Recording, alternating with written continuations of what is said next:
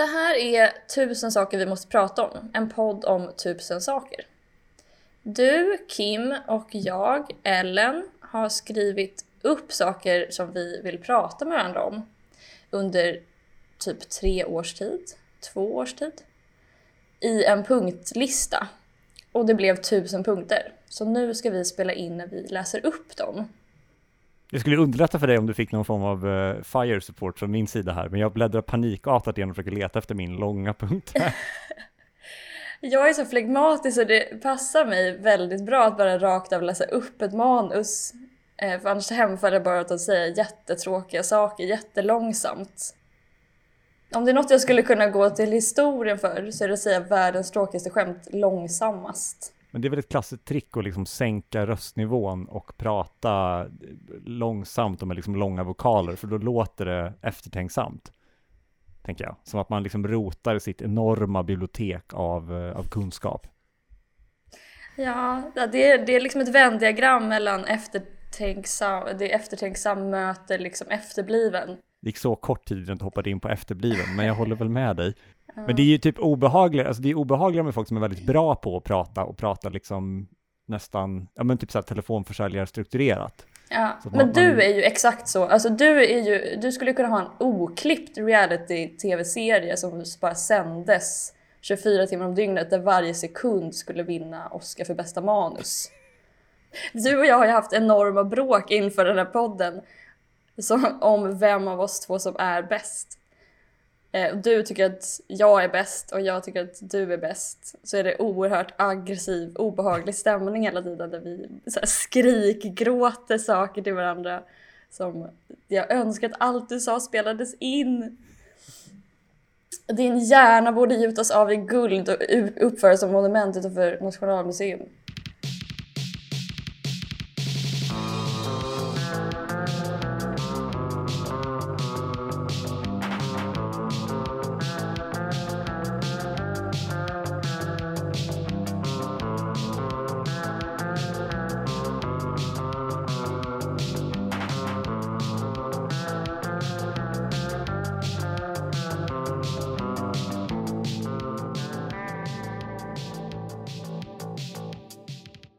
Punkt 203. Jag har stulit det från en meme, men hur tänker du att en författare skulle beskriva dig? Det är du som har skrivit den. Ja, det var du som fick den. Ja, det är återigen det här med att det är så flegmatiskt tror jag. Någon form av flegmatisk häxa som eh, njuter i fulla drag av ett gott seminarium, opåkallat eh, anklagar folk för strejkbryteri, eh, inte rygga för det traditionellt tråkiga. Men tänker du så en, eh, okej nu kommer inte ens litteratur, men hon, hon som tänker väldigt mycket i CSI, hon som förstorar upp bilder på datan. Jag har inte sett CSI, men... Lite så, lite gotig. Go ja, ja, alltså det är ju mitt stora, mitt stora projekt här i livet, att jag ska bli metal. Eh, det går, det går ett pipsvängen, jag vaknar varje morgon med den ambitionen och sen går det åt pipsvängen direkt eh, dag, alltså dag för dag så upprepas det här. Vaknar metal och eh, somnar eh, så. Helylle. Misslyckades idag igen. Men vadå, är det att du vaknar och ser ut som metal eller vaknar du och liksom känner dig, alltså är du metal? Känn, det, det är liksom ett sinnestillstånd. Det är bara lever och andas metal på ett helt annat sätt. Jag tänker också att eh, en författare skulle beskriva mm, min kaotiska gångstil till exempel som ett utmärkande, eller mitt kaotiska allt. Eh, att jag liksom vandrar runt planlöst här i världen och liksom drabbas. Alltså jag är, mer, jag är liksom utsatt för världen snarare än att jag tar kontroll över den. Eller att du drabbar folk. Att hon, hon kom som ett yrväder Åh. Med sura remmar i sin hand. Mm, just det. Snubblar fram på gatorna. Du då? Nej men jag vet inte, alltså jag tror, alltså det beror lite på vem som skulle skriva mig, men jag tänker att om det skulle vara någon så här modern punkig författare så skulle de nog bara toksåga mig som så här han gick upp samma tid varje morgon och gick till sitt deadbeat jobb, eller deadbeat jobb. Och... En bikaraktär? Jag är en bikaraktär! Det, jag kommer från en lång linje av bikaraktärer. Eh, min morfar släktforskade och upptäckte att så här, vi har bara varit assistenter tillbaks till 1600-talet. Han kom från en lång linje av medelmåttor. Men, men jag skulle nog vilja att jag beskrev som i den där memen, jag vet inte hur du har sett så här, how every male offer describes uh, the female lead, typ. Som slutar med så här, she titted boobily down the stairs. Där liksom en manlig författare har beskrivit en kvinna bara genom att hon har stora bröst, typ.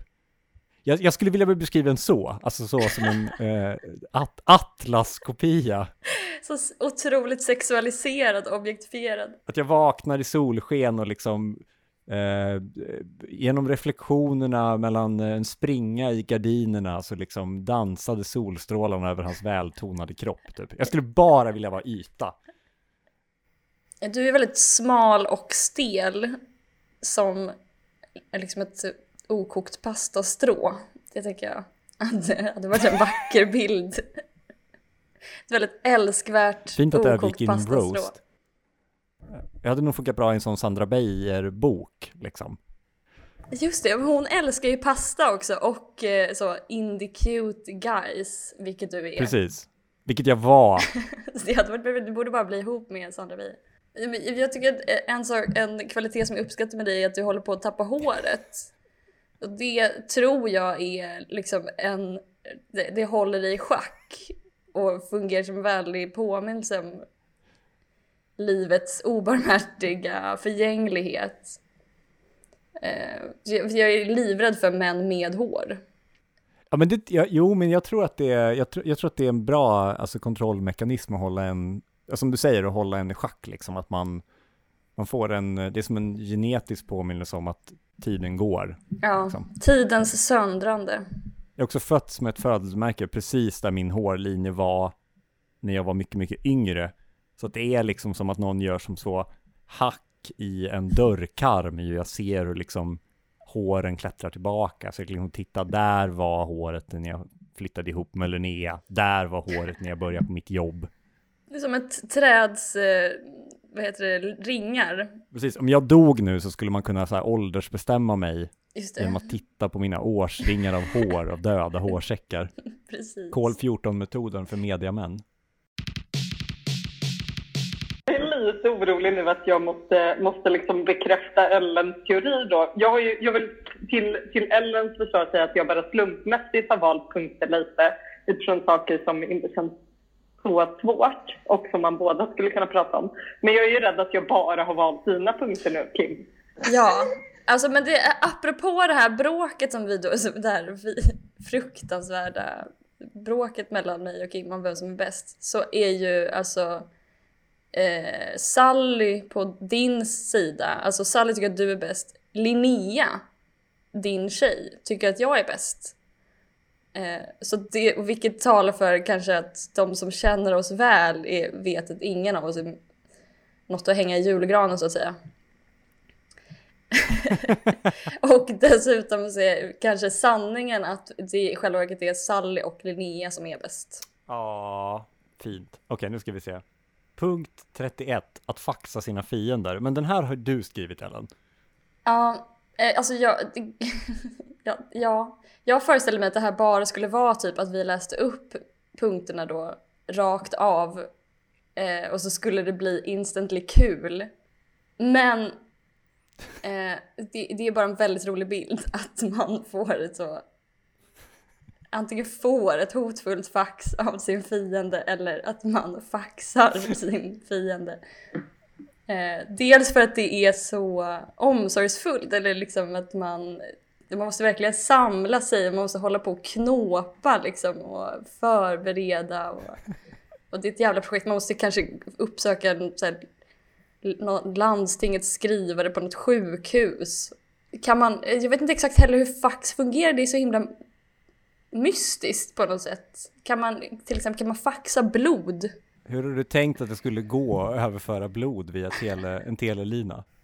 Jag tänker också att det är så här, att motta ett hot via fax känns ju också mycket, då får man ju vara liksom en, alltså som mördare då så får man ju vara bra på liksom den dramatiska kurvan så att man liksom börjar, man inte börjar direkt med att jag ska döda dig, eller att man har tänkt ut vilken sida som kommer upp först, om det är slutet eller början av brevet, så att det liksom kommer så. Kolla bakom dig. Och så är det inget där. Men man vet inte, det kan vara något där. Då måste man kolla, kolla tillbaka på faxet för, ytterligare, för vidare instruktioner. Var vi klara med fax ställer jag som en stor fråga till hela samhället. Är vi verkligen klara? Vi är uppenbarligen inte klara med fax för det finns fortfarande fax och folk som faxar. Det kommer in folk jätteofta på biblioteket och frågar om vi har fax. På riktigt? Ja, ja. Men vad ska de med den till? Nej, jag har ingen aning. Men alltså vet de hur faxen fungerar då? Pekar ni bara ut faxen åt dem och så går de och faxar? De klarar det själva tror jag. De behöver bara se en fax och förklara det sig självt. Så vet de. Så vet de. Resten faller på plats omedelbart. Punkt 817. Okej, så det här... Nu ska jag försöka återge en eh, gradvis lite obehaglig utveckling hos mig som jag tror att många kommer genomgå nu i spåren av den här pandemin. Vi kan kalla den för min infernokris. Eh, det är inte första gången jag beter mig som en hundra år försenad Strindberg. Eh, det började med att jag kände mig oförklarligt berörd av en beskrivning i Barabbas. En beskrivning av Barabbas blick. Eh, hatet stod och darrade inne i den som spetsen av en pil som aldrig skulle bli avskjuten. Eh, det kan ju hända även det bästa, att bli golvad av Per Lagerkvist. Men kort därpå kände jag mig drabbad även av orden skuggbudget och blinddörr. och det tror jag är för att de framkallar bilder av mörka hemligheter. Och ungefär samtidigt som det här utspelar sig så la jag mig till med att börja ha helt släckt hemma så när som på ett ensamt tänt ljus för att skapa så kallad protestantisk stämning. Eh, och under förevändning att jag omfamnat årstidernas särart. Eh, och det är väldigt otypiskt mig för jag har annars alltid bara godtagit strål, alltså arenamässig strålkastarbelysning av rädsla för att annars bli vemodig. Men nu var det eh, som att det var själva vemodet jag ville åt. Och den här utvecklingen har stegrats. Eh, jag började dricka torr cider på dovt belysta anrika krogar med muralmålningar, intressera mig för Kinas dunkla poeter, torka blommor att hänga i fönstren, tatuera in olika symboler på kroppen. Och jag börjar förstå världen som full av betydelsebärande tecken. Och det här är också utmärkande för just Inferno Strindberg. Att man så... Han typ läser in något slags meddelande i lövverken i träden. Och för mig då så, ja, till exempel så såg jag eh, vid ett tillfälle en kvinna helt klädd i rött med hår färgat rött och en hög röd hatt. Eh, jag är inte säker på vad det betyder men det verkar meningsfullt. Lite som när min kompis Gustav såg en man som tittade på en annan man som grävde ett hål. Jag vet inte vad det betyder men det verkar meningsfullt. Det här då fick någon slags sin kulmen när jag stod framför Medusa av Caravaggio på Uffizierna i Florens. Och äntligen fick vara helt nära den västerländska kulturens främsta dysterkvist och drama queen. Eh, Caravaggio var känd som väldigt oregelig, skandalomsusad. Han var med i någon slags Clockwork Orange-liknande slagsmålsklubb. Mördade en kille, dömdes till döden, förvisades från Rom och sen ägnade han en stor del av sina återstående dagar åt att klaga på att inte vara i Rom. Vilket jag relaterar väldigt starkt till. Och sen benådades han av påven. Men dog dessvärre i en strand i feber, eh, på en strand i, i feber. Eh, tre dagar innan budet om då att han hade blivit benådad eh, nådde fram.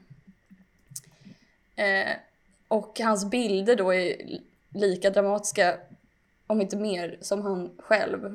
Eh, det är blod, blodet sprutar, gesterna är stora, det är naturalism, känslor, klär obskyr, homoerotik, memento mori och hej och. Så där står jag och när jag beskriver den här min gryende emo-belägenhet för eh, min kompis Knut så bara säger han helt avmätt de stora katastrofernas tid lär bli de stora känslornas tid. Vilket är väldigt vackert. Och självklart på något sätt. Och talande, det är väldigt praktiskt för oss marxister att vårt svårmod alltid är helt välgrundat i det materiella. Jag, jag har haft min infernokris, jag tror att fler kommer ha den här infernokrisen nu. För barocken då, som Caravaggio företräder, uppstod i tidig moderna tiden. När världen på en gång blev större och samtidigt avförtrollad. Kyrkans makt minskade, man frångick i och med det bibelmotiv i bildkonsten. Vetenskapliga upptäckter gjorde naturen och dess lagar eh, till föremål intresse istället för Gud, som tidigare hade varit föremål för intresse för konsten. Eh, och det gav upphov till både naturalism och fulländande av perspektiv till exempel. Jorden och människan betraktades inte längre som universums centrum. Eh, och det var också skräckens tid, utmärkt av pestepidemier, lilla istiden, häxprocesser, krig som blev fler och större. Så livets fåfänglighet och förgänglighet var på alla sätt pinsamt uppenbar. Vilket memento mori-motiv och vanitas-motiv då ger uttryck för inom konsten. Eh, och vad som står klart eh, i vår tid är ju att det är en tid präglad av tägrande klimathot och numera komplett, jag ska säga, med en rasande pandemi och en stundande ekonomisk kollaps. Man har kort sagt en förlamande känsla av att leva i den yttersta tiden.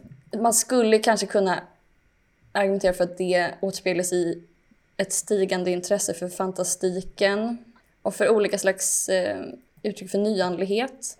Eh, också, jag har hört flera, till exempel i Godmorgon världen idag, eller i söndags så pratar de om eskapism och sådär. Förlåt, var det inte Pamela Jaskovic som pratade i, i, ehm, i söndags?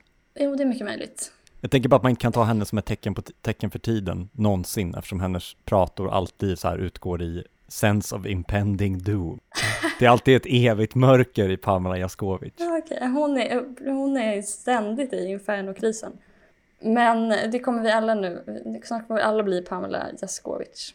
Eh, men jag, alltså jag skulle faktiskt snarare, jag upplever kulturen i vid mening som obegripligt glättig och ljus i kontrast till eländets omfattning. Eh, bland annat så såg jag, Eh, eftersom snart sagt varenda rolig person i Stockholm av dunkla, outgrundliga skäl har jobbat med Filip och Fredrik, så såg jag ett avsnitt av Alla mot alla, vilket lämnade mig blixtsnabbt skulle jag vilja säga. Det lämnade mig mycket snabbt eh, och med en känsla som skulle kunna sammanfattas tomhet, idel tomhet, allt är tomhet. Eh, för att ljuden och rörelserna och färgerna uttryckte liksom en lågmäld panik som eh, är mycket värre, mycket mer skräckenjagande än bilder av smältande is och brinnande skogar på sätt och vis. Det är obehagligare att se en, en, en mördare som ler än någon som liksom visar tänderna av ilska.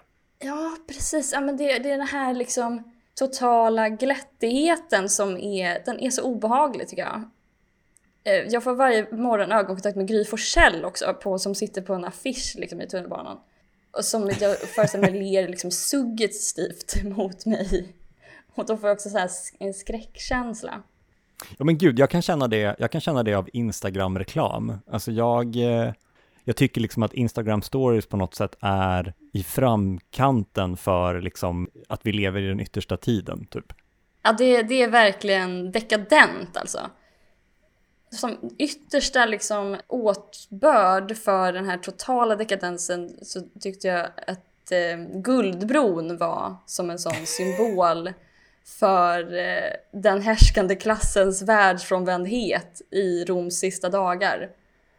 Men var inte det eh. samma dag som de avrådde folk från att samlas i grupp, typ? Alltså det var verkligen så här, SVT dominerades först av liksom ett nyhetsankare som med bister min tittade in i kameran och pratade om att så här, nu måste vi hålla oss ifrån varann och sen ett fortsatt klipp till liksom stockholmare som står och hoppar och vevar för att vi, alltså vi har liksom fraktat hit, alltså vi, vi är väl ändå en av så här världens bättre stålnationer. Mm, det här mm. kanske är ett uttryck för någon slags industriromantisk nationalism, men alltså är det något vi kan så är det väl typ stål. Oh. Och sen har vi ändå köpt en metallbro från andra sidan världen ja, som nej, har liksom blivit typ världens största båtekipage. Kört från Kina oh. och hit och så ska vi stå där och fira det. Ja, nej, men det är verkligen, alltså hela Slussen-projektet är ju också, det är också som, det är återigen det här, jag vet inte vad det betyder, men det verkar meningsfullt. Eh, som liksom ett enormt hål eh, som bara, som man kan ha kunnat stirra ner i när man går förbi Slussen. Hela Slussen är en bild av samtiden och den här guldbron säger någonting. Just att den är i guld också, det var någonting som är så väldigt kul med det. Och den är så stor och den är... Men den var väl inte ens, Kina, alltså så här, ja. det, det var, jag tror att det var liksom, men det ändå, jag tror ändå det var i SVT, det var en artikel att så här, den är inte guld än, men den ska målas Nej, i guld. Att de lo- försäkrade alla så här, det är ingen anledning till panik, bron kommer att vara i guld. Samtidigt som den seglar förbi i höjd med Nya Karolinska så lugnar man folket. Bron kommer att vara i guld. Oroa er inte. Ja, verkligen.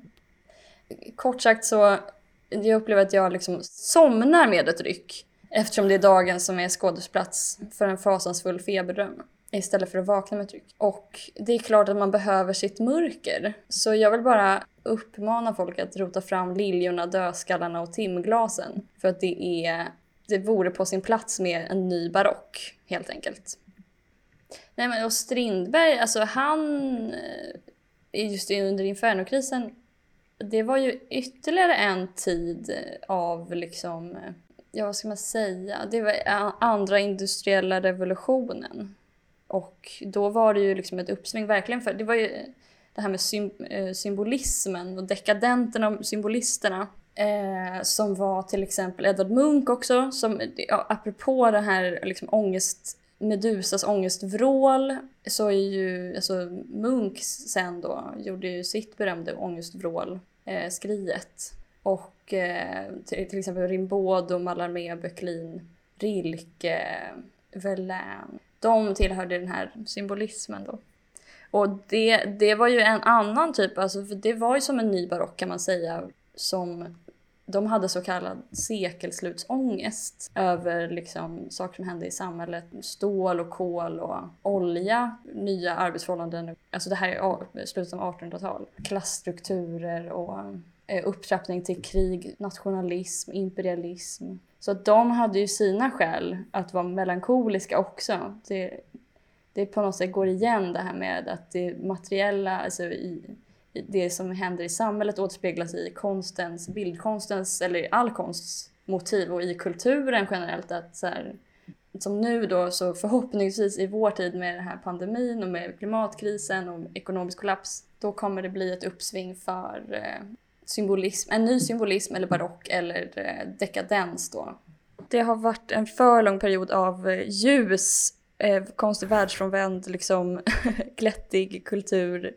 Inte bara inom, eller eh, kanske framför allt inom populärkulturen och i kulturen i vid mening. Alltså att det är så en digital nomad till exempel som vojar eh, från att ha presenterat någon eh, app typ som eh, kan 3D-printa ut någonting som eh, urholkar arbetsrätten, brukar det vara.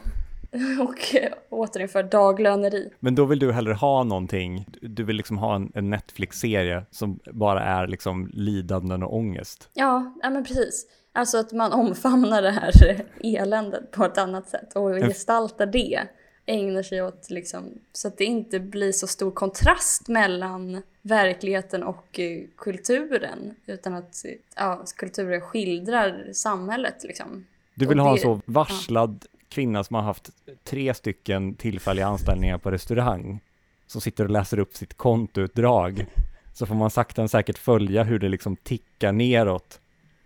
Så här, här behövde jag verkligen Och köpa sen mat. avslutas det med att hon bara skriker rakt ut i panik. Det är liksom en sån slow tv av att hon sitter i telefonkö till liksom a-kassan för att försöka få ersättning. Eh, och vi liksom, Exakt. vi, vi tänker att så här, när hon kommer fram till den här handläggaren och liksom får berätta hur hon har jobbat, så tänker vi att det ska lösa sig. Men det visar sig att det saknades tre timmar där för att uppnå arbetsvillkoret mitt i, så hon får liksom ingen ersättning. Det hade varit samtid. ett, man kan ladda ner en app till sin mobil som simulerar hur det är att vara en så, ett så fodora bud Så man får liksom den här appen som jag antar att de har för att ta emot beställningar. Men det kommer aldrig beställningar. Så man bara installerar den och så får man öppna den så står det bara så, du har tjänat noll kronor. Och så får man bara sitta i parken med den där väskan. Och vänta. Det är som Pokémon Go, man måste gå utomhus. Gå, du måste gå ut till en park när det regnar och så ska du sitta där. Ja. Och då, då, bara, då, bara då kan du starta den här appen och se att det står noll kronor. Exakt. Väntan på någonting som aldrig... Det är väl liksom i väntan på Godot i 20-talet. Man liksom väntar och väntar på Gud eller någon slags gudomlig inblandning eller vad det nu är. Eller på svar typ. Och det kommer aldrig. Det, man får aldrig, det får aldrig sin upplösning. Men jag tänker också att det kan räcka med liksom eh, att man eh, omger sig med liljor då till exempel. Som påminnelse om eh, döden. Alltså det måste inte vara så in your face, men bara att det finns ett mått av liksom allvar. Du vill ha sån här svår finkultur, jag vill bara ha ond bråd. Jag har ju lättare att, att ta till mig då symboler. Du måste ha så någon väldigt tydligt utskriven undertext hela tiden. Syntolkning. Okej, så 374, vad är acceptabla samtalsämnen? Då tänker jag att så här, vi listar tio grejer som alltid funkar, samt fem som aldrig flyger, men som vi tycker borde flyga. Uh, och då har jag skrivit några, så att jag börjar. Och då är det, alltså, och jag lägger liksom ingen värdering i de här samtalsämnena som flyger, utan det här är bara liksom en, en empirisk studie som jag har gjort på samtalsämnen som alltid flyger. Så att, så att inte, så inte du lägger liksom, och de har ingen direkt ordning, så att du är med Ellen på liksom premisserna. Mm. Avokado, vädret. Eh, anekdot om killen som inte tvättat händerna på toaletten. Och sen så är det liksom usch så äckligt det är det, hur mycket man tvättar händerna själv. Eh, hur dåligt SJ är, fast det är faktiskt Trafikverket. Och då är det liksom inte att man pratar hur dåligt SJ är och sen så lägger jag till det, utan man säger hur dåligt SJ är och sen säger man, fast det är faktiskt Trafikverket. Eh, typ Mandelmans för eller emot. Eh, 2014, Danmark, pannkakor, kanelbullens dag, alla dagar som är ägnade till bakverk. Eh, autokorrekt att det krånglar, att man borde ta bort Facebook. Eh, det är samtalsämnen som alltid funkar. Och sen har jag listat två samtalsämnen som vi borde prata om som aldrig flyger. Och det är fördelningspolitik och att vi alla snart kommer utrotas början på alla mina konversationer med nya personer som jag träffar är ju vad tjänar du, vad röstar du på och hur känns det att vi alla snart ska dö? Men du ser, men du borde ju inleda, du borde ju liksom, för att spicea upp ditt liv och kommande dejtande, så prova att börja med att liksom avokado, avokado. för eller emot. Ja, precis. Vad svårt det är att hitta en bra avokado. Eller den nya varianten på avokado som, som jag hörde häromdagen. Är det säsong för avokado nu? Just det, ja. Ja, ja men avokado har ju något, någon viss kvalitet. Det, det liksom kan ju vara en ingång i både mat och i klimat. Ja, nu, nu överkompenserar jag. tänker inte att man ska liksom gå in och prata om har du tänkt på hur många här, gästarbetare som dör under framtagandet av din avokadotoast? Nej, just det. Jag ser att du sitter där, så, så liksom, jag ser att du sitter där med en avokadotoast. Har du provat att ta på chiliflakes? Fan vad gott! Istället för, jag ser att du sitter där med en avokadotoast. Har du tänkt på att det skulle kunna vara blod på det? Precis. Är du kannibal? Brukar jag då alltid fråga. När folk äter avokado. för att jag ser att du äter blod. Militant emot avokado som en, du liksom som den dåliga bilden av veganer så glider du liksom in och gör människoljud av människor som lider medan folk äter avokado. Känner du som du går till Joe and the Juice, spanar in någon som äter deras avokadotoast och så, så sitter du liksom några bord bort och bara ah, Miguel! Ja, verkligen. Okej. Okay. Eh, vädret har jag också skrivit upp. Jag vill dra en lans för vädret. Eh, som engagerad väderpratare så vill jag säga att jag, jag, tycker inte att det är ett tecken på att man inte har någon personlighet eller ingenting att prata om, utan det är liksom ett tecken på att man kan se, att man har känsel. Att man inte är liksom, jag tror att människor som inte vill prata om vädret är liksom, de som säger att det är så himla tråkigt, det är den typen av människor som bara vill prata om liv och död, som bara vill prata om så här, ja men du vet, alltså du har säkert dejtat den typen av kille som vill prata på riktigt. ja, det är vidrigt. Eller hur? De vill bara prata om, de vill bara prata om liksom, så här, vad, alltså om du, om du fick, de vill inte ens säga, de vill inte ens säga om du fick en miljon kronor, utan bara så här, om du fick göra vad du ville. Vad skulle du göra då? Du, vet, du vet att deras svar är att de skulle rimma med dig upp på ett hustak? Också den långa konstpausen. Låt det sjunka in innan det fortsätter. De slår hårt mot, eh, mot oss väderpratare liksom. Att de är så här, tar pride i att de är killar som aldrig någonsin har pratat om vädret. Men jag tror det är att, jag tror att det är liksom också, alltså jag tror också att det, att inte prata om vädret, det gör ju också att man är den typen av kille som liksom går runt i shorts året runt eller liksom är alldeles för tunt eller för tjockt klädd. Att man liksom har ingen uppfattningsförmåga. Nej. Jag menar, vi bor ju i ett land där vi har ex extremt varierande väder. Då måste man kunna prata om det. Det är som att vi inte skulle prata om regeringen om vi inte pratade om vädret. Att de bara, det är så tråkigt att prata om regeringen. De finns ju bara där och bestämmer allt vi gör. Jag menar om, om det var regeringen som sa att du inte kunde gå ut idag för att du typ skulle bli sjuk och frysa ihjäl, då skulle vi prata om det.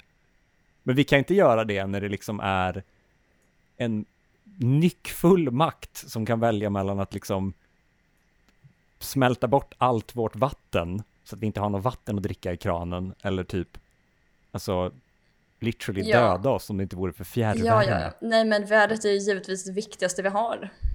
Fund eh, SMHI. Eh, nästa punkt är ju anekdot om kille som inte tvättat händerna på toan och jag skrev ju den här innan vi gled in i en global Pandemi. pandemi liksom som eh, handlade om, om att man ska tvätta händerna. Ehm, för det är det den handlar om, bara. Det är den, den lärdomen jag tar med mig.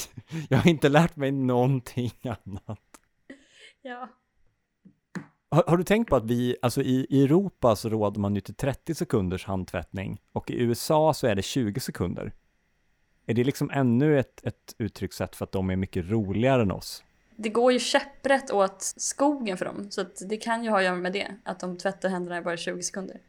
Det är de där extra 10 sekunderna som liksom räddar oss. Nej men Eh, är det någonting man pratar om? Jag har jag har aldrig stött på det. Att, att man enas liksom, det är någon slags mobbning, light mobbning av den på kontoret som inte tvättar händerna eller? Men det är ju sinnessjukt att med folk som inte tvättar händerna när de är på toa. Men hur vet man det överhuvudtaget? För att många killar inte ens stänger dörren när de kissar. De går liksom bara in, står och kissar och sen så går de ut igen. Det måste ju vara, alltså det tar ju inte kortare tid att kissa väl? Det tar längre tid att kissa. Det, det är en, skulle jag vilja påstå, Ja. min, min egen, alltså min bristande anatomisk kun, kunskap om liksom utformandet av urinröret på, på liksom två olika ehm, genitalier. Har du bristande kunskaper om det? Jag vet liksom inte, om jag liksom har, just själva urinröret har väl inte varit liksom fokusen för min uppmärksamhet då jag har exponerat. Jag har liksom inte gått in, för min, min tanke är att liksom rent genomsnittsflöde i, där i urinröret på det som är traditionellt förknippat med kvinnliga genitalier är något högre. Eh, och det är bara baserat på feeling. För jag tycker det känns som att det går så jävla mycket snabbare för alla mina liksom, kvinnliga vänner Ja. och, och, och kissa. Men då är det det, då, män tvättar inte händerna helt enkelt. De, rakt av är lortgrisar. Kan det komma av att män försöker kompensera för tiden som det tar, alltså det tar längre tid för dem att kissa? Så då känner de att de måste ha liksom, kvinnorna får inte ha det som konkurrensfördel, så då försöker man liksom ta igen genom att Nej. tvätta händerna jättefort, så att man sna- lika snabbt kan komma tillbaka. Ja, men eller av, av ren solidaritet med alla som väntar i kön. Män är liksom ett mer solidariskt kön. Blixtsnabbt kastar de sig ut genom dörren igen för att låta nästa person gå in. Kosta vad det kosta vill, personlig hygien. Det är de beredda att eh, kasta under bussen för sina med, eh, med toalettbesökares välbefinnande. Jag tänker att det här är en rent egoistisk handling, att man liksom inte vill, man vill snabbt tillbaka för att köpa och sälja aktier och liksom starta appföretag som urholkar arbetsrätten och de har inte tid. Nej. Det tog så lång tid att kissa, så nu måste man direkt tillbaka, äta lunchen vid skrivbordet och liksom Verkligen, ingen rast och ingen söka ro. pengar från Almi. det här skrivbordet helt så fullt av E. coli-bakterier. Ska vi se, att tvätta händerna, hur dåligt SJ är, fast det är faktiskt Trafikverket. Jag tänker att du har en bättre take på den än vad jag har, som van tågresenär. Mm, det går verkligen som på räls, alltså det, det går som tåget kort sagt. Allting, det, det, jag pendlar då varje dag fyra timmar om dagen med SJ och eh, nej men det, det har aldrig varit ett problem i princip. Förutom möjligtvis på sommaren. Det är någonting med att det så fort det blir sommar eh, och helg, då börjar det liksom bli lite mindre pålitligt. Det måste inte funka, så då, då gör det inte det. Ja, alltså på sommaren är det, hela Sverige är ju liksom amateur hour på, på sommaren.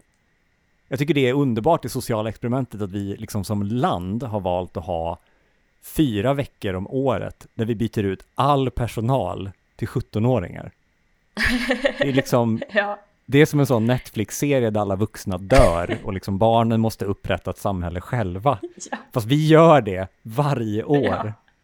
Ja. Överlämnar hela samhället i inkompetenta barns händer varje sommar. Ditt inkompetenta barn. Det ska vara en, en bok som jag håller på att skriva.